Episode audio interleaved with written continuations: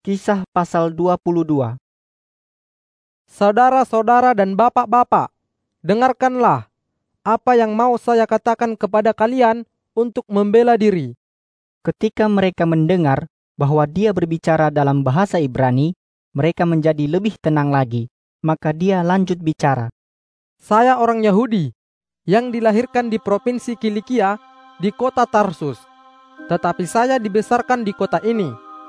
Saya murid Gamaliel dan saya dididik dengan ketat menurut hukum nenek moyang kita. Jadi, saya sungguh-sungguh taat kepada Allah sama seperti kalian hari ini.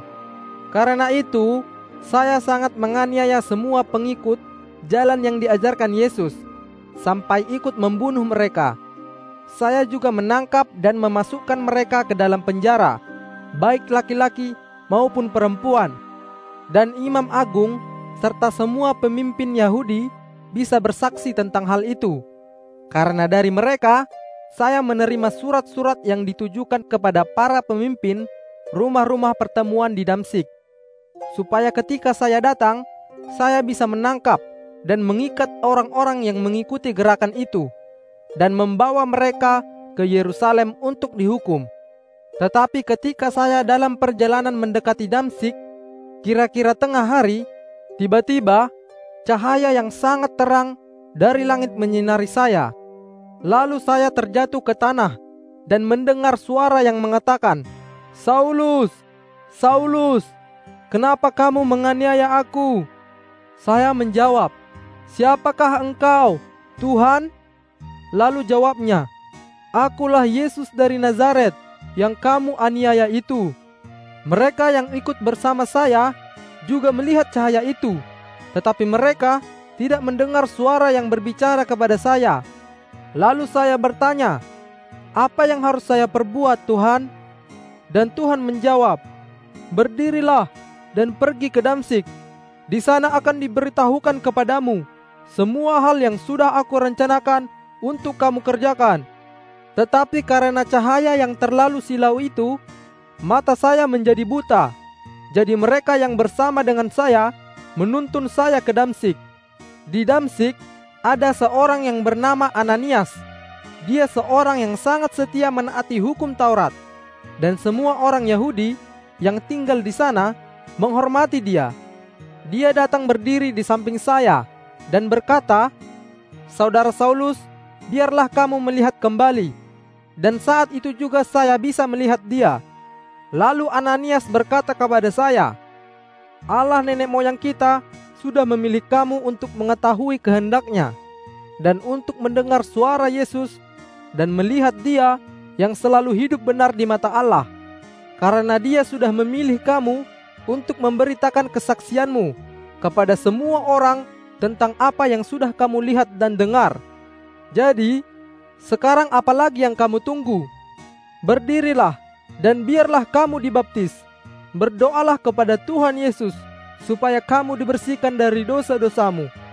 Sesudah saya kembali ke Yerusalem dan waktu saya sedang berdoa di rumah Allah, saya mendapat suatu penglihatan. Dan saya melihat Yesus dalam penglihatan itu yang mengatakan, cepat pergi dari Yerusalem, karena orang-orang di sini tidak akan menerima kesaksianmu tentang aku. Tetapi saya menjawab, Tuhan, mereka tahu bahwa saya sudah masuk ke rumah-rumah pertemuan untuk menangkap orang-orang yang percaya kepadamu. Lalu saya memukul dan memasukkan mereka ke dalam penjara. Dan ketika Stefanus, saksimu yang setia itu dibunuh, saya berdiri di sana dan setuju dia dibunuh. Bahkan saya menjaga jubah para pembunuh itu. Kemudian Yesus berkata kepada saya, "Pergilah, karena aku akan mengutus kamu ke tempat-tempat yang jauh, yaitu kepada bangsa-bangsa yang bukan Yahudi." Orang banyak itu mendengarkan Paulus sampai kepada kata-katanya yang menyebutkan bangsa-bangsa yang bukan Yahudi. Lalu mereka semua berteriak dengan keras, Binasakanlah orang itu. Dia tidak pantas hidup lagi.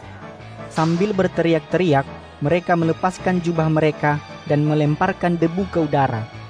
Saat itu, komandan batalion itu menyuruh supaya Paulus dibawa masuk ke dalam markas. Lalu dia memberi perintah supaya Paulus dicambuk sambil diperiksa untuk mengetahui kenapa orang banyak itu berteriak-teriak seperti itu terhadap dia. Tetapi ketika tentara-tentara mengikat Paulus untuk dicambuk, dia bertanya kepada salah seorang komandan kompi yang berdiri di situ. Apakah diperbolehkan bagi kalian untuk mencambuk seorang warga negara Roma sebelum dia diadili? Waktu komandan kompi itu mendengar kata-kata Paulus, dia pergi kepada komandan batalion itu dan berkata, Tolong pikirkan baik-baik tentang apa yang akan Bapak lakukan terhadap orang itu. Dia itu warga negara Roma. Maka komandan batalion itu datang kepada Paulus dan bertanya, Katakanlah kepada saya, apakah benar kamu warga negara Roma? Benar, jawab Paulus. Lalu komandan itu mengejek yang biasa dikatakan oleh tahanan Yahudi dengan berkata, Dan sekarang kamu akan mengatakan bahwa kamu sudah membayar mahal sekali untuk menjadi warga negara Roma. Tetapi Paulus menjawab, Bukan, saya dilahirkan sebagai warga negara Roma. Waktu mendengar jawaban itu, mereka yang disuruh untuk mencambuk dia langsung mundur, dan komandan batalion itu menjadi takut ketika dia menyadari bahwa Paulus yang dia sudah suruh untuk diikat tanpa memeriksanya adalah warga negara Roma. Tetapi komandan batalion itu ingin mengetahui kenapa Paulus dituduh oleh orang Yahudi. Jadi pada hari berikutnya, dia menyuruh supaya semua imam kepala dan seluruh sidang mahkamah agama berkumpul.